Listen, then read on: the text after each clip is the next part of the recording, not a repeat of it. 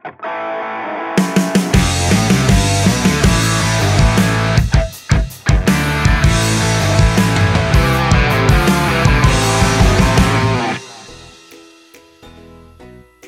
बाइबलको नयाँ नियमलाई एउटा भरपर्दो दस्तावेजको रूपमा स्वीकार गर्न सक्छौँ? या सक्दैनौँ? आउनु हेरौँ धेरै शङ्का गर्ने व्यक्तिहरू हामी बाइबललाई विश्वास गर्न सक्दैनौँ भन्छन्। उनीहरू भन्छन् बाइबल प्रतिलिपि गरिएको थियो र बाइबलमा धेरै गल्तीहरू थियो। तर तथ्यहरूले के भन्छ त? हरेक शताब्दीमा इसाईहरू मानिसहरूलाई बाइबलको सत्यताको तथ्यहरू पेश गर्दै आइरहेका छन्। हामीले शङ्का गर्ने व्यक्तिहरूलाई कस्ता तथ्य दिन सक्छौँ? जब ऐतिहासिक दस्तावेजको कुरा आउँछ हामीसँग जति धेरै पाण्डुलिपिहरू हुन्छन् त्यति नै धेरै राम्रो हुन्छ। त्यसको कारणले हामीले कुनै पनि कुरालाई क्रस भेरिफाई अथवा छड्के चेक गर्न सक्छौँ। अनि कहिले दस्तावेजमा परिवर्तन आयो त्यो थाहा पाउन सक्छौँ जसलाई हामी पाठ्य आलोचना अथवा टेक्सचुअल क्रिटिसिजम भन्छौँ। त्यही कारण हामीसँग बाइबलको जति धेरै पाण्डुलिपि भयो त्यति नै राम्रो हुन्छ। जसको कारण हामीले आफूसँग भएको पाण्डुलिपिहरूलाई प्रयोग गरेर मूल दस्तावेज बनाउन सक्छौँ। नयाँ नियमको बाइबलको हामीसँग कतिवटा पाण्डुलिपिहरू छन् त? हामीसँग ग्रिक पाण्डुलिपिहरू पाँच हजार आठ सयभन्दा धेरै छन्। ल्याटिन पाण्डुलिपिहरू दस हजारभन्दा धेरै छन्।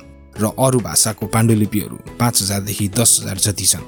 हामीसँग नयाँ नियमको पाण्डुलिपिहरूको धेरै सङ्ग्रह छन्। यी सबै पाण्डुलिपिहरू एउटै ठाउँमा भेटिएका होइनन्। तर संसारको विभिन्न ठाउँहरूमा यी दस्तावेजहरू भेटिएका हुन्। त्यसैले हामीसँग जति धेरै पाण्डुलिपिहरू हुन्छन् हामी त्यति नै सठिक तरिकाले मूल दस्तावेज तयार गर्न सक्छौँ। यही प्रक्रियालाई हामी टेक्सचुअल क्रिटिसिजम भन्छौँ। यदि हामीसँग कुनै पनि पाण्डुलिपिहरू थिएन भने पनि हामीले मण्डलीको सुरुवातको अगुवाहरूले सुरक्षित गरिराखेको नयाँ नियमलाई पुरै रिकन्स्ट्रक्ट गर्न सक्छौँ। किनकि सुरुवातको मण्डलीको अगुवाहरूले लगभग दस लाखचोटि भन्दा धेरै नयाँ नियमलाई कोट गरेका छन्।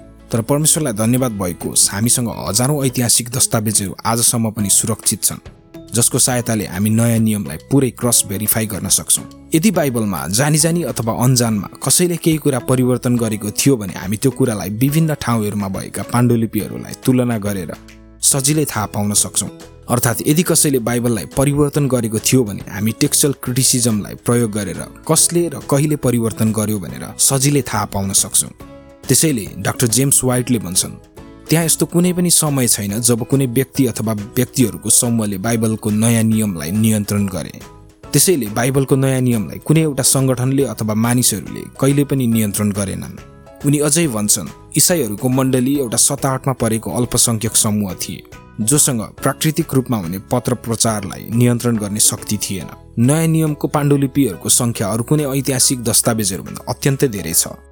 नयाँ नियम बाहेक अन्य ऐतिहासिक दस्तावेजहरूको बाइबल जस्तो धेरै पाण्डुलिपिहरू छैनन्। उदाहरणको लागि विश्वमा सबैभन्दा राम्ररी प्रमाणित भएको दस्तावेजको कुरा गर्नुपर्दा नयाँ नियम पछाडि होमरको इलियाड पाण्डुलिपि पर्दछ जसको हामीसँग सत्र सय सन्ताउन्नवटा पाण्डुलिपिहरूको प्रतिलिपिहरू छन्। तेस्रोमा सुटोनियोस भन्ने पाण्डुलिपि छ जसको हामीसँग दुई सयवटा भन्दा धेरै पाण्डुलिपिहरू छन्। त्यसैले यदि कसैले बाइबलको नयाँ नियमलाई शङ्का गर्छन् भने उनीहरूले संसारको कुनै पनि प्राचीन दस्तावेजलाई विश्वास गर्न सक्दैनन्। किनकि नयाँ नियमको हामीसँग जति धेरै पाण्डुलिपिहरू छन् त्यति कुनै पनि ऐतिहासिक व्यक्ति जस्तै अरस्तु प्लाटो सुकरात र होमर जस्ता व्यक्तिहरूको पाण्डुलिपि छैनन्। त्यसैले मानिसहरूले जति धेरै बाइबलको नयाँ नियमलाई शङ्का गर्छन् त्योभन्दा धेरै शङ्का अझ अन्य प्राचीन दस्तावेजहरूलाई गर्नुपर्छ।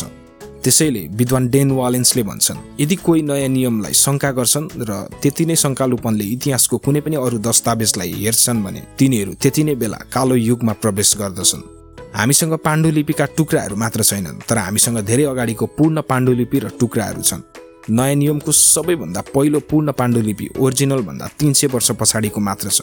यो अरू प्राचीन दस्तावेजहरू मध्ये सबैभन्दा चाँडो पूर्णता पाएको पाण्डुलिपि हो। यो त पूर्ण नयाँ नियमको पाण्डुलिपिको कुरा हो।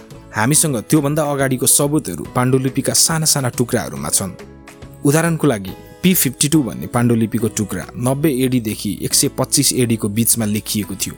त्यसै गरी P forty six P sixty six र पी सिक्सटी सेभेन इत्यादि छन् जुन एक सय सत्तरी एडीदेखि दुई सय बिस एडी बिच लेखिएको थियो। हामीसँग अझ ठुला ठुला पाण्डुलिपिहरूको टुक्रा पनि छन् जस्तै पी सेभेन्टी फाइभ भन्ने पाण्डुलिपिको टुक्रामा यहुन्नाको र लुकाको एक सय दुईवटा पृष्ठहरू सुरक्षित छन्।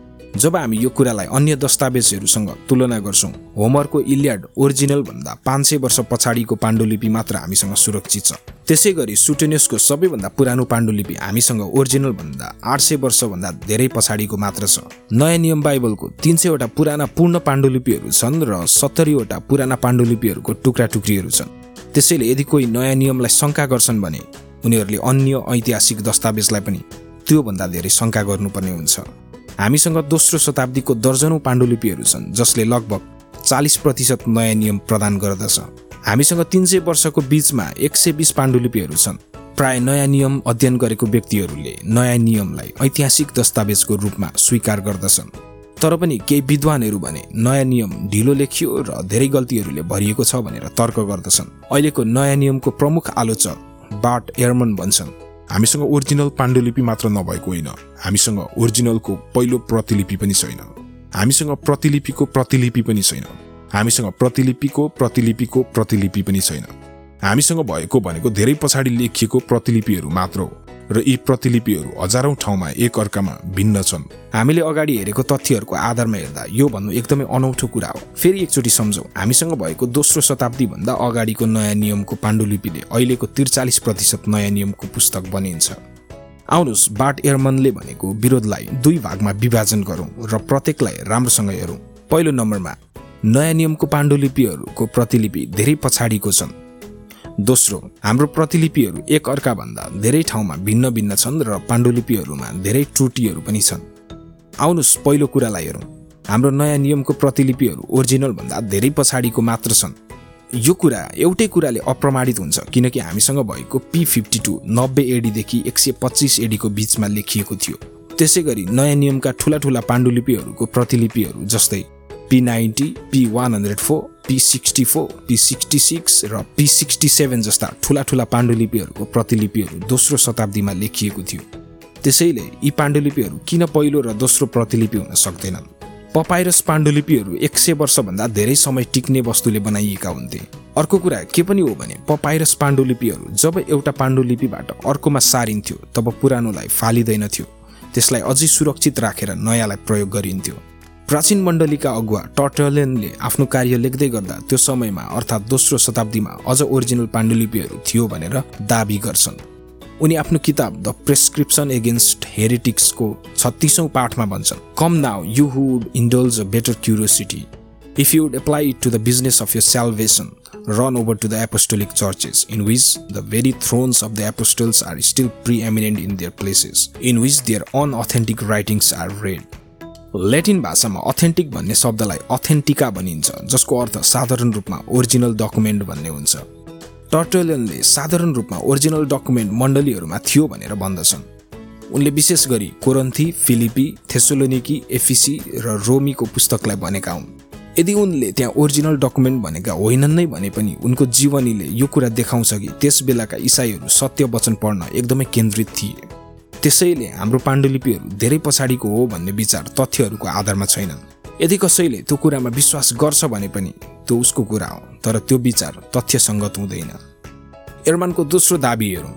हाम्रो प्रतिलिपिहरू एक अर्काभन्दा धेरै ठाउँमा भिन्न भिन्न छन् र पाण्डुलिपिहरूमा धेरै त्रुटिहरू पनि छन्। उनी प्राय समयमा एउटा कुरा भन्छन् उनी भन्छन् हाम्रो नयाँ नियममा लगभग चार लाख भिन्नताहरू छन्। यो ठिकै कुरा हो तर जब हामी यसको गहिराइमा हेर्छौँ तब हामीलाई यो ठुलो कुरा हो जस्तो लाग्दैन। एउटा कुरा के हो भने हामीसँग धेरै ठाउँका भिन्न भिन्न पाण्डुलिपिहरू भएको कारण हामीसँग धेरै भिन्नता छ। हामीसँग पाण्डुलिपि नै ग्रिक ल्याटिन र अरू भाषाहरू सबै गर्दा लगभग पच्चिस हजार एक सय पाण्डुलिपिहरू छन्। हामीसँग ग्रिक पाण्डुलिपिहरू मात्र पनि छ हजार जति छन् जसको छब्बिस लाख पृष्ठ हुन्छ। यदि तपाईँलाई सामान्य गणित आउँछ भने तपाईँले एउटा कुरा के बुझ्नुहुन्छ भने हरेक छ पोइन्ट पाँच पृष्ठ पछाडि एउटा भिन्नता आउँछ। दोस्रो कुरा के हो भने त्यहाँ कस्ता कस्ता भिन्नताहरू छन् त। पचहत्तर प्रतिशत केवल स्पेलिङ मिस्टेक मात्र छन् जसले वाक्यको कुनै पनि अर्थलाई बिगार्दैन। पन्ध्र प्रतिशत जति ग्रिक सिनोनेम र ट्रान्सपोजिसन्सहरू छन् जुन अनुवाद पनि गर्न मिल्दैन। लगभग नौ प्रतिशतले चाहिँ वाक्यको अर्थलाई फरक पार्न सक्ने किसिमका भिन्नताहरू छन्। तर तिनीहरू धेरै पछाडिका दस्तावेजहरू हुन्। त्यसैले जब हामी अझ पुरानो पाण्डुलिपिलाई हेर्छौँ त्यो समस्या सबै समाधान हुन्छ। अब जम्मा एक प्रतिशत भन्दा थोरै भिन्नताले मात्र वाक्यको अर्थलाई फरक पार्न सक्छ तर यी कुनै पनि भिन्नताले इसाईहरूको सिद्धान्तलाई समस्यामा पार्दैन। यो कुरा बाट एर्मनले पनि स्वीकार गरेका छन्। त्यसै कारणले इसाई विश्वास र सिद्धान्तलाई दस्तावेजमा भएका भिन्नताले असर पार्दछ भन्ने कुनै पनि प्रमाण छैन। नयाँ नियमको भिन्नता सबै टेक्सचुअल क्रिटिसिजमले समाधान गरेको छ। तर टेक्सचुअल क्रिटिसिजमले अहिलेसम्म नयाँ नियमको चालिस लाइनको भिन्नतालाई समाधान गर्न सकेको छैन जसले हामीलाई उनान्सय पोइन्ट पाँच प्रतिशतको सटिकता दिन्छ। यो अरू सबै प्राचीन दस्तावेजहरू मध्ये सबैभन्दा धेरै हो। त्यसैले के हामी नयाँ नियमलाई विश्वास गर्न सक्छौँ त? सबैभन्दा सठिक उत्तर हुन्छ सक्छौँ किनकि हामीलाई तथ्यहरूले यही देखाउँछ।